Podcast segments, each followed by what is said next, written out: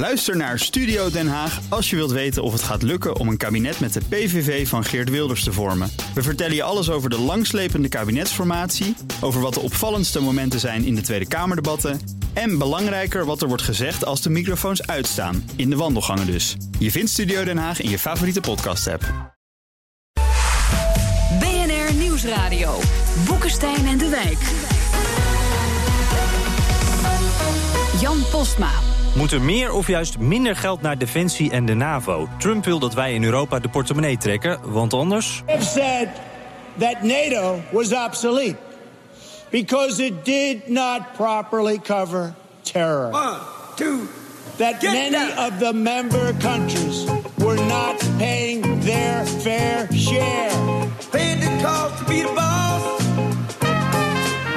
Trump is eh, kritisch geweest over een eh, aantal zaken. Hij heeft gezegd, ja, het is, eh, die NAVO is bijna 70 eh, jaar oud. Daarop zeg ik, de heer Trump is ook 70 eh, jaar oud. The countries we are defending must pay for the cost of this defense. And if not, the U.S. must be prepared to let these countries defend themselves. Europese landen hebben dat echt wel begrepen inmiddels. Die zijn ook bezig, inclusief Nederland, om stap voor stap dat defensiebudget te verhogen. En het is ook hard nodig.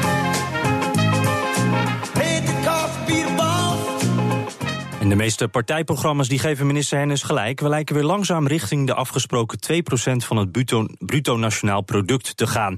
Precies zoals Trumps minister van Defensie Mattis ons deze week voorhield. Maar daar is niet iedereen het mee eens. Welkom bij Boekenstein in de Wijk op zoek naar de nieuwe wereldorde.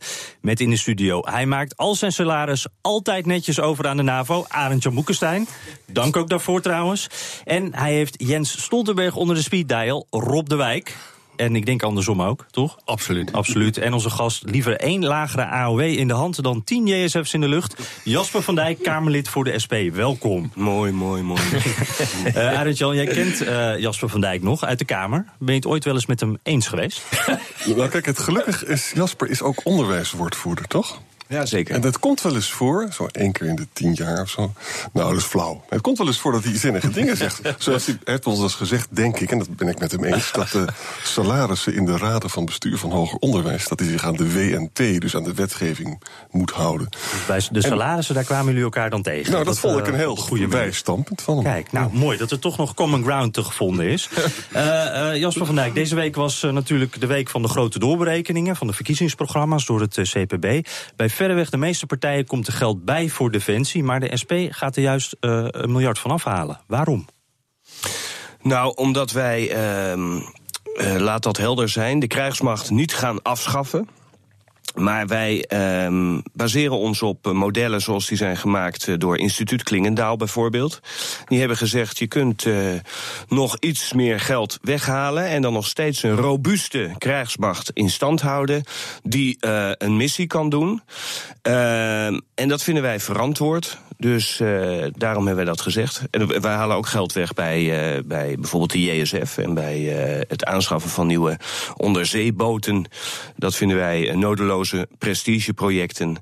Eh, dat kunnen we veel slimmer besteden, dat geld. Maar dan maak je er echt een vredesmacht van. Hè? Dus geen krijgsmacht meer. Daar komt het feitelijk op neer. Ja, maar goed, een Nou vredesmacht. ja, nou ja, nee, maar dat is wel een groot verschil. Als Wat is hier- het verschil? Nou ja, een vredesmacht is er eentje die stabilisatieoperaties kan eh, gaan doen, die Somalië-operatie kan gaan doen. Daar heb je inderdaad geen F-35 voor nodig. Dat is al, eh, al helemaal in onderzeeërs. Hoogheid het schip der woestijn, eh, de kamelen in, eh, in Mali. En die zijn goedkoper, toch? En die zijn volgens mij ook niet zo duur. Ja.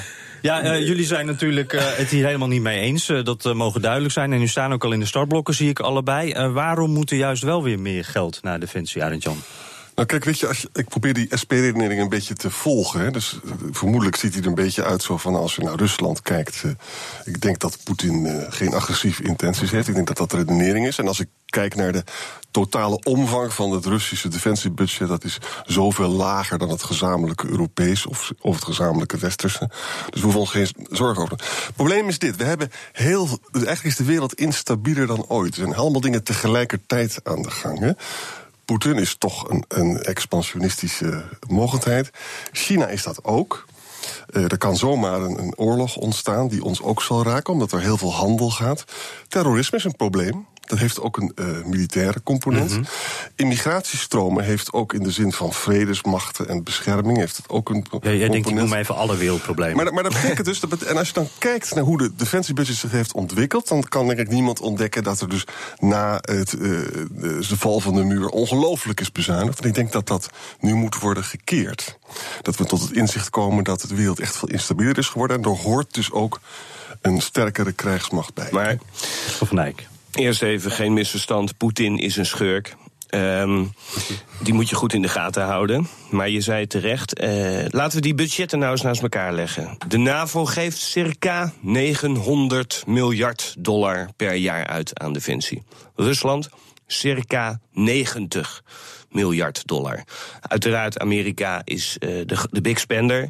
Binnen de NAVO ongeveer 600 miljard. Maar ook dan, hè, Europa geeft nog altijd ruim meer, 300 miljard, ruim meer uit aan defensie dan Rusland.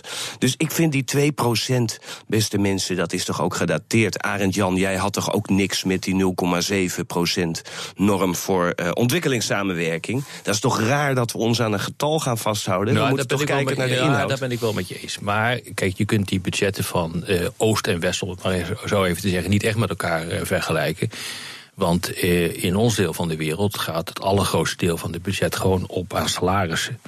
En eh, de Russen die hebben een, een krijgsmacht die ook nog bestaat uit dienstplichtigen. En die kosten niks. En bovendien eh, kost überhaupt arbeid veel minder in Rusland. Dus je kunt die budgetten gewoon niet met elkaar vergelijken. Het enige wat je wel kunt doen is te vergelijken met hoe de krachtsverhoudingen eh, liggen. Nou, als je dan bijvoorbeeld ziet eh, dat de eh, Russen.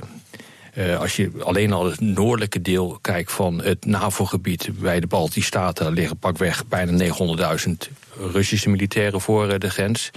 En de NAVO die zet daar 20.000 tegenover van, van de Baltische Staten. Plus nog wat eh, verder naar achteren, onder andere in Nederland en Polen. En we mogen helemaal niet als eh, NAVO, en dat is maar goed ook trouwens, want dat zou enorm destabiliserend zijn, onze troepen vlak bij de Russische grens eh, leggen. Dus er zit al een enorme disbalans in hoe dat is opgebouwd. Dus ik ben het volstrekt met je eens, kijk nou niet naar die 2%, maar kijk nou gewoon hoe die hele zaak is opgebouwd en hoe die krachtsverhoudingen liggen. En als ik nu zie dat de Russen op dit ogenblik van die Iskander-raketten aan het plaatsen zijn. Wat zijn dat? Dat zijn, dat zijn raketten waarmee je nucleaire wapens en conventionele koppen kunt, eh, kunt afschieten. En die worden nu geplaatst in Kaliningrad. Ik bedoel, waar is dat nou goed voor? Ik bedoel, Mhm. dat is toch gewoon ultiem eh, provoceren. Ik zou dat gewoon niet doen. Bovendien hebben ze er al zoveel eh, staan aan de andere kant van de grens.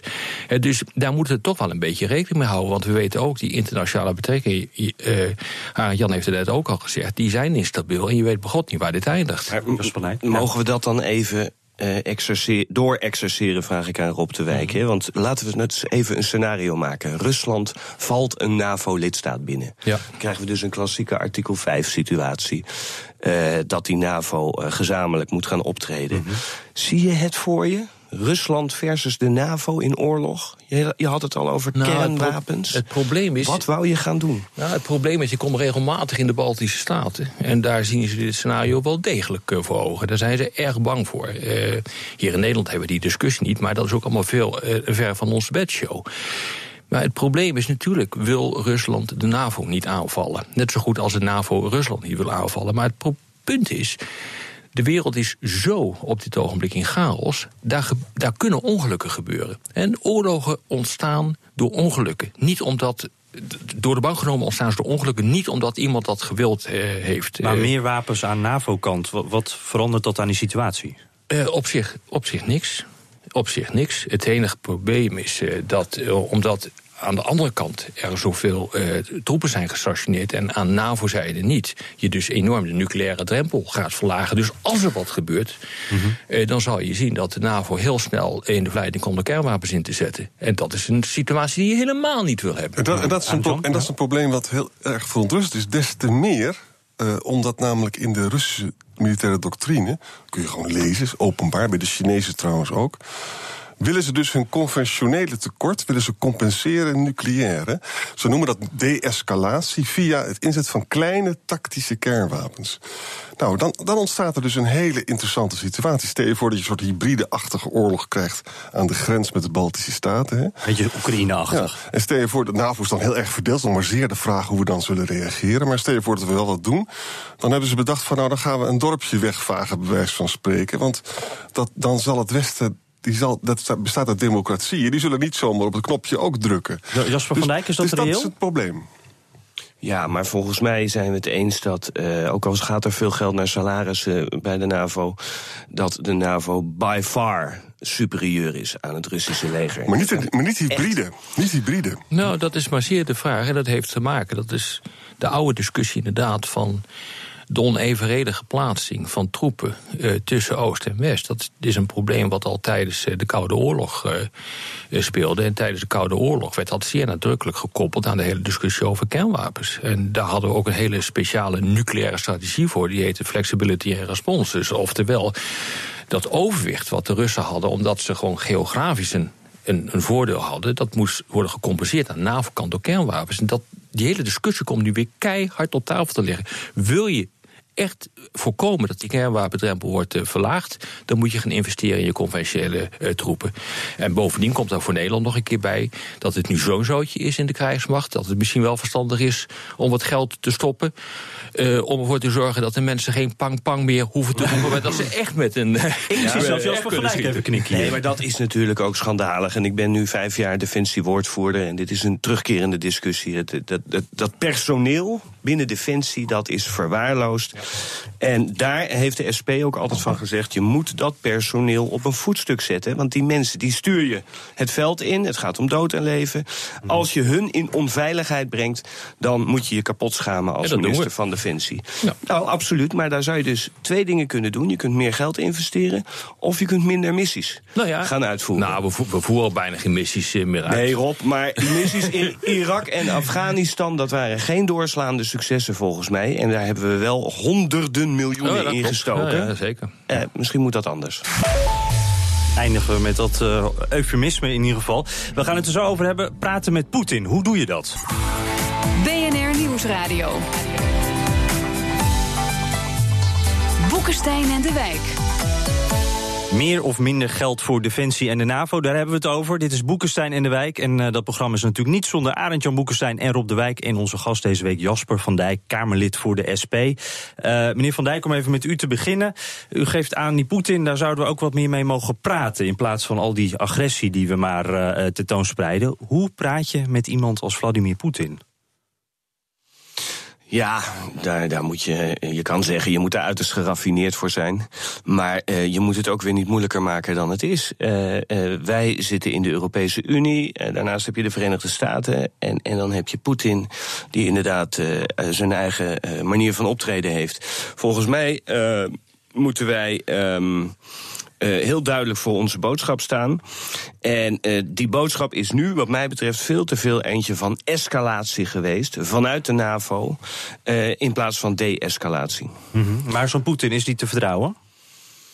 Ja, dat is een, eh, een lastige vraag. Eh, er zijn veel aanwijzingen dat hij niet echt betrouwbaar is. Maar wie heeft er nou geëscaleerd? Want volgens mij hebben wij niet de Krim. Wij, de NAVO-Europese Unie, niet de Krim bezet. Om maar eens wat eh, te noemen. Nou- en dat is toch eigenlijk sinds Hitler de eerste keer dat uh, er landjepik is eh, gepleegd in, uh, in Europa. Dat is zeker fout geweest. Ehm, eh, maar laten we iets anders nemen. Laten wij de eh, uitbreiding van de NAVO nemen. In de jaren negentig is afgesproken tussen Oost en West. eh, Europa gaat uitbreiden naar het oosten, maar de NAVO gaan we niet uitbreiden. Nee, is niet afgesproken hoor. We ja, hebben er echt heel erg veel onderzoek naar gedaan. Maar er is nog nooit één snipperbewijs van eh, gekomen. Bewijs. Vanuit, Maar waarom, waarom lees ik het dan overal? omdat mensen elkaar gewoon nalullen. En omdat eh, de, eh, mensen dat roepen omdat ze dat ergens gelezen hebben. En dan vervolgens verschijnt dat weer aan de kant. En dan praat iedereen elkaar weer na. Maar goed. eh, onder Maar serieuze goed. wetenschappers is er geen enkele Maar goed, snipperbewijs van gevonden. dat neemt niet weg dat de NAVO fors heeft uitgebreid richting het Ja, oosten. En wil- dat dus dat wil die landen ook dat graag. de NAVO dus richting Poetin is gekomen in plaats van Poetin Ja. richting het westen. Maar dat noemen is een wij, dat noemen wij constatering. zelfbeschikkingsrecht. Van landen die wilden bij de NAVO komen, die wilden bij de Europese Unie komen. Zijn er referenda over gehouden? Nou, dat, daar zijn parlementen die daarover zijn gegaan. Ja, Eh, dat is geratificeerd. Dat is eh, geratificeerd in die landen. Dat is geratificeerd hier. Net zo Dus- goed als dat de euro is ingevoerd. Nee, Maar, maar Jas- nee, dat is luister Ja? De, NAVO-uitbreiding is natuurlijk wel... eh, dat werd, werd heel erg door de mensen die daar woonden. De meerderheid waren daar gewoon voor. Ja, is dat zo? wil- zeker. Absoluut. Polen wilden dat heel graag. Want die hadden een, een onprettige geschiedenis met de oostflank. Hè? Ze wisten niet hoe snel ze onze kant op moesten komen. Maar nog even terug naar het punt van... jij zegt van de Escaleert. Hè? Eigenlijk, ik weet niet hoe je het dan beziet... maar ik zie eigenlijk alleen maar Rusland escaleren. Ik zie de Krim. Ik zie Poetin die in het Midden-Oosten alles lek geschoten heeft... wat hij kon lek schieten. Dat was natuurlijk een onvoorstelbare militaire operatie. Hè? Ik zie dat er allemaal merkwaardige dingen gebeuren... aan de Baltische grenzen, die toch eigenlijk... Waarom worden daar grenswachten opgepakt? Waarom zijn er voortdurend van die spelletjes tussen vliegtuigen? Waarom al die oorlogstaal? Is dat dan een grapje of zo? Nee, maar er zijn natuurlijk ook Russische minderheden in die Baltische staten. die hebben geen fijne tijd op dit moment. Nou, de, NAVO, de. NAVO is aanwezig in dat gebied. Eh, dus je kunt dat net zo goed eh, van de andere kant bezien. Ik bedoel, eh, wat, wat Poetin heeft gedaan in Oekraïne, dat is fout. Geen discussie daarover. Maar ik zou altijd willen zeggen: kijk ook goed naar je eigen rol in dit soort zaken. De oorlogstaal die vanuit de NAVO wordt gebezigd, die ligt er ook niet om. Dat wat wij in het Midden-Oosten hebben gedaan, ligt er ook niet om in Irak en Afga- Afghanistan. Net zo goed als dat Poetin daar zijn agenda aan het uitvoeren Maar is. moet Poetin bang zijn voor een aanval van de NAVO op zijn grondgebied? Ik denk het toch eigenlijk niet. Het is wel overigens wel iets dat de Russische bevolking denkt, omdat de Russische tv dat elke dag zegt. hè. En die, die eh, propaganda is dus ook geslaagd. De Russen denken dat wij op het punt staan om aan te vallen. Eh, Heeft het ook te maken met een definitie van grondgebied? Iets dat misschien vroeger ooit bij de Ja, Sovjet-Unie hoorde? Ongetwijfeld, er zijn Russen die eh, bekijken eh, eh, de- hun grondgebied op een hele andere manier dan wij dat doen. Eh, de, de manier waarop er naar Oekraïne wordt gekeken, de manier waarop er naar de Baltische Staten wordt gekeken. En daar wordt inderdaad een enorme lading propaganda overheen gegooid. Absoluut. Mhm. Maar dat is wel waar. interessant wat je nu zegt. Want jij vroeg, waar moeten we nou over praten? Met, eh, en gaan we praten? Hoe doen we dat nou? Waar gaan we over praten? Dat is natuurlijk het allerbelangrijkste. Rusland stuurt op dit ogenblik gewoon aan op een deling in Europa. Daar zijn ze klip en klaar over. Als je eh, kijkt wat er in de Russische media wordt eh, gepubliceerd op dat gebied... wat de Russische autoriteiten zeggen, die, die zeggen... wij willen terug naar invloedssferen. Zou jij daar een voorstander van zijn? Invloedssferen vanuit Rusland in Europa? Ja? Absoluut niet. En ik vind het ook hartstikke fout dat er Russische hackers zijn die structureel bezig zijn om verkiezingen in, in democratieën eh, te saboteren. Amerika, Frankrijk, mogelijk nu in Nederland. Absoluut fout. En daar is trouwens Defensie ook mee bezig. Hè? Maar als dat zo is, waarom zijn jullie dan bijvoorbeeld tegen zo'n eh, Oekraïne-referendum? Waarom zeg je dan, eh, ik wil niet investeren in defensie? Want als je invloedssferen wil tegengaan, dat kan je dus alleen maar doen vanuit kracht. En dan moet je dus ook toestaan dat landen als ze dat willen, zich aansluiten bij ons. Want anders creëer je de facto invloedssferen. Eh, dat is gewoon het hele punt met een man als, eh, als, als Poetin. Dat is een machtspoliticus, daar moet je macht tegenover zetten. Dat vind ik ook niet leuk. Voor mij hoeft het niet.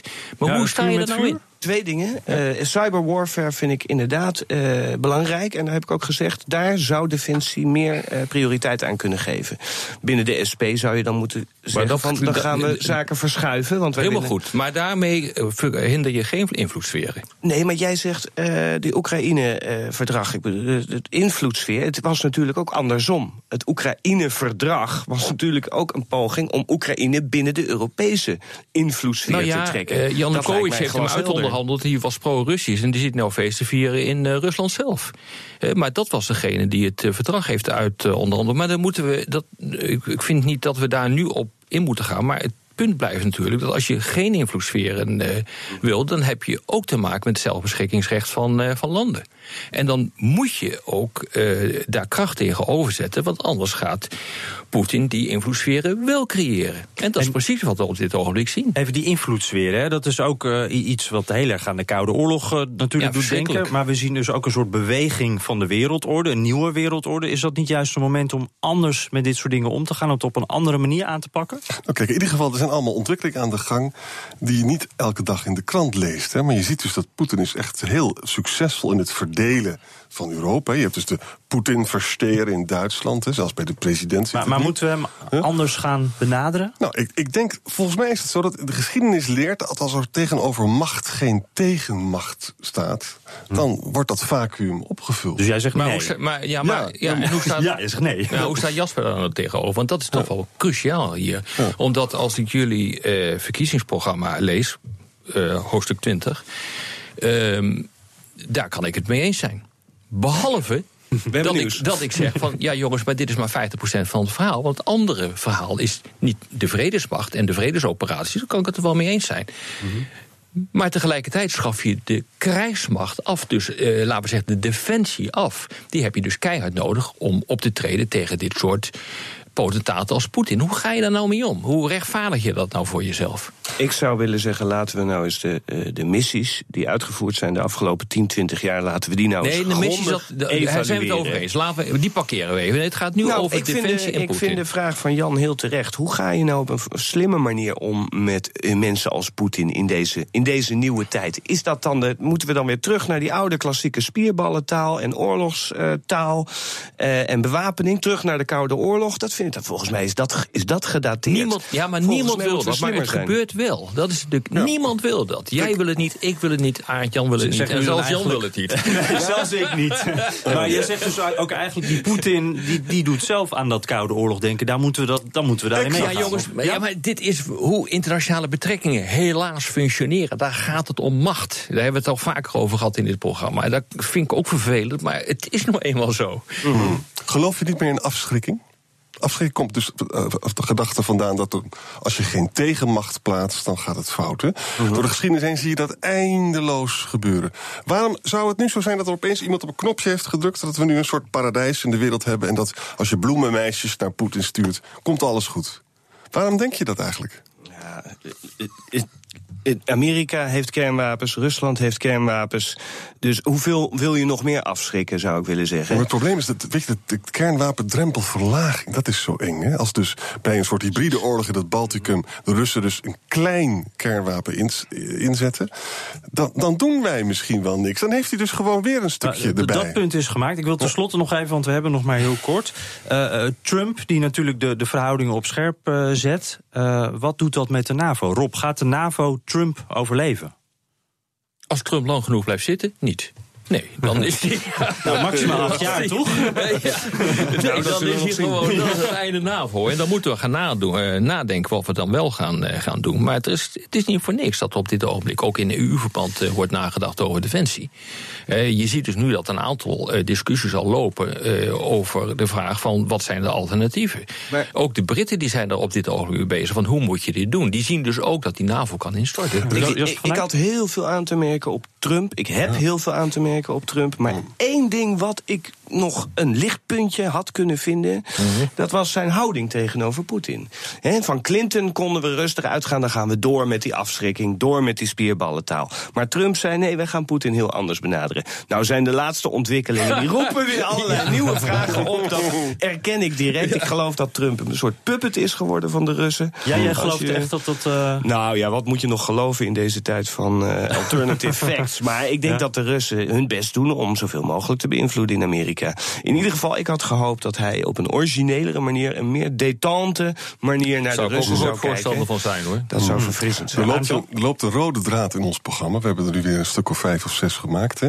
Het is, met Trump is het logisch om Europese militaire samenwerking te versterken.